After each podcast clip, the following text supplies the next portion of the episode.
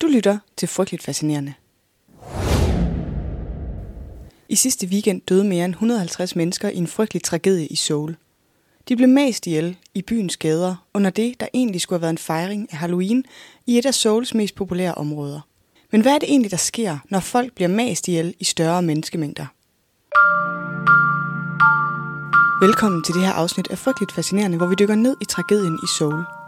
Frygteligt Fascinerende er en podcast om alt det frygtelige, som alligevel fascinerer os. Her i Kort Fortalt giver jeg en kort intro til noget frygteligt fascinerende fra nær eller fjern historie. Velkommen til.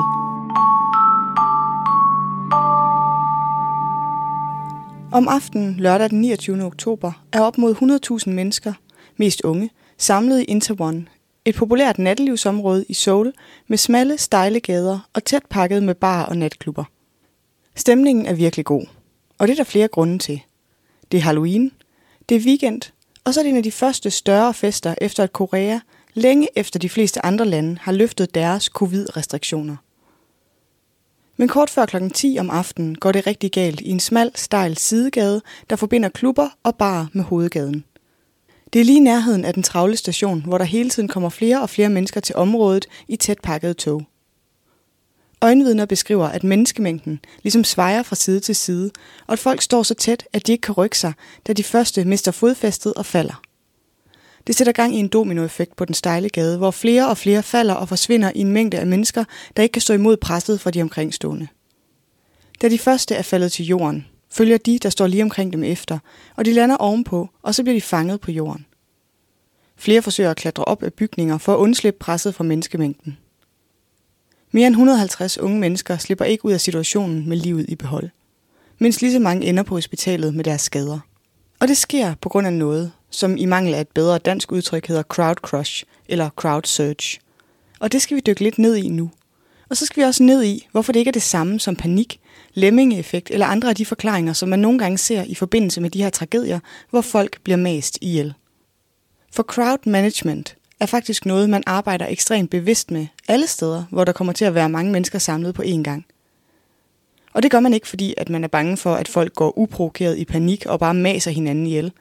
Det gør man, fordi man ved, at mange mennesker, der står for tæt, udgør en risiko i sig selv, uanset om de går i panik eller ej. Der er mange ting, der spiller ind, når en stor forsamling bliver farlig at være i. Men de vigtigste er for mange mennesker per kvadratmeter, manglende kontrol og retningslinjer, brede åbne områder, som så sluses ind i smallere gader eller områder, er nogle af de ting, der kan få det til at gå rigtig galt. Crowd crush kan opstå, når for mange mennesker forsøger at komme ind i et afgrænset område på én gang. Det kan betyde, at folk bliver mast så tæt sammen, at de ikke længere kan bevæge sig. Selv små stød eller bevægelser kan gå gennem menneskemængden som en bølge. Folk kan blive mast i en sådan grad, at de ikke kan udvide deres brystkasse for at trække vejret. Og det kan man dø af, ved noget som man kalder kompressionskvælning. Hvis tætheden af mennesker på et område kommer op over 4 mennesker per kvadratmeter, og særligt hvis den kommer op over 6 mennesker per kvadratmeter, så stiger risikoen for ulykker. Risikoen opstår, når de står i et afgrænset område. De presser på hinanden, men de holdes også på plads af presset fra dem, der står omkring dem. Hvis der så enten går en chokbølge gennem gruppen, eller en af dem falder, så der opstår et hul i gruppen, hvor der ikke er noget modpres, så er der ikke længere noget til at holde menneskerne i mængden på plads, de kan ikke selv stå imod presset, og så falder de, og flere følger efter, indtil presset letter. Den proces kan så betyde flere chokbølger eller lignende huller andre steder. Og det er netop det, der var på spil i Seoul i sidste weekend. Hvor feststemte unge er på vej fra området omkring stationen og den brede hovedgade og ned gennem de smalle sidegader.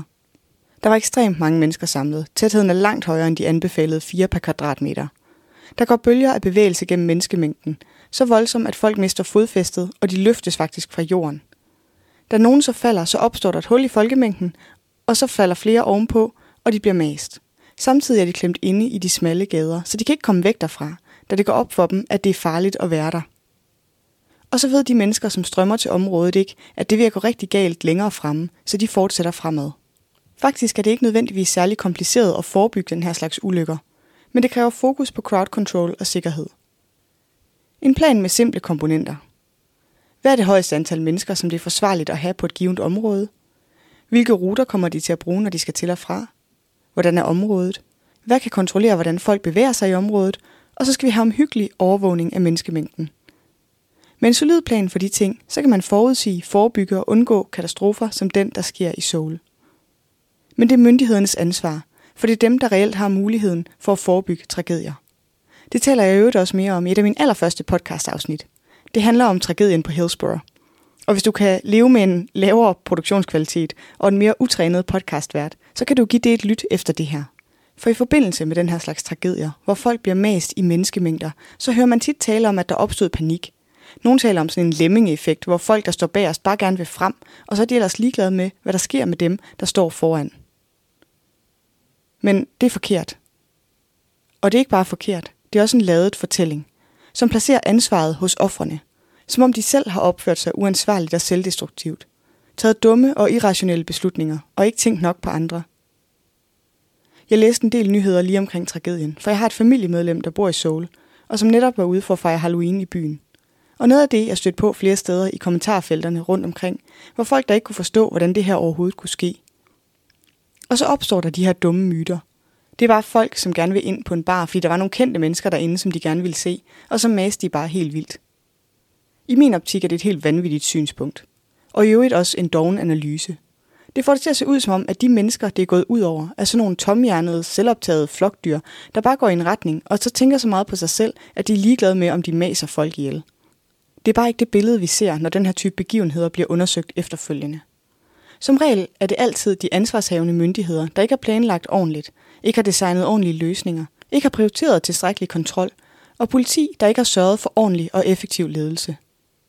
Det, der faktisk gør sig gældende i de her situationer, er, at mennesker kun bliver mast af andre mennesker, der ikke selv har nogen kontrol over, hvad de gør, fordi de bliver mast og ikke kan stå imod presset. De mennesker, der stadig har kontrol over, hvad de gør, er så langt væk fra der, hvor det går galt, at de ikke ved, hvad der er ved at ske. Og det er vigtigt, hvordan vi snakker om de her ting. For hvis vi bruger et sprog til at beskrive det, som flytter ansvaret væk fra myndighederne til menneskemængden, så rammer vi forbi skiven, hvis vi gerne vil forebygge, at den her slags sker i fremtiden. Der er ikke et tidspunkt, hvor almindelige mennesker kigger rundt på hinanden og siger, nu skal vi være en uregerlig pøbel af mennesker, der er ligeglade med, hvem vi maser. De reagerer på et pres, som de ikke kan slippe væk fra. Presset fører til, at nogen mister fodfæstet, og det trækker så dem, der står omkring ned, og så dør de. De dør ikke, fordi de går i panik. De går i panik, fordi de er ved at dø. Det var lidt om tragedien i Seoul. Kort fortalt er frygteligt fascinerende. Researchet skrevet, optaget og redigeret mig. Jeg hedder Maria. Næste afsnit kommer allerede i næste uge, og du kan høre det i iTunes eller Spotify eller der, hvor du normalt lytter til podcast. Der er tre ting, du kan gøre, hvis du gerne vil støtte min podcast. Du kan dele den på din Insta eller på Facebook. Du kan sende den til en ven, som trænger til at blive frygteligt fascineret. Og så kan du give den en anmeldelse i podcast-appen. Jeg sætter uhyggelig stor pris på alle tre. Tak for nu. I researchen til afsnittet har jeg brugt oplysninger fra The Guardian og DR.